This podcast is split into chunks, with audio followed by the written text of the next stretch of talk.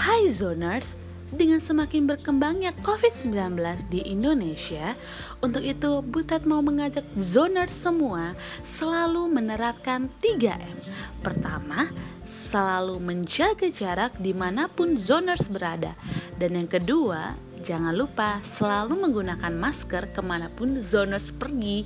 Dan yang ketiga, tetap selalu mencuci tangan setelah zoners menyentuh apa pun di sekitar zoners supaya COVID-19 bisa terhindar dan korban pun semakin berkurang di Indonesia.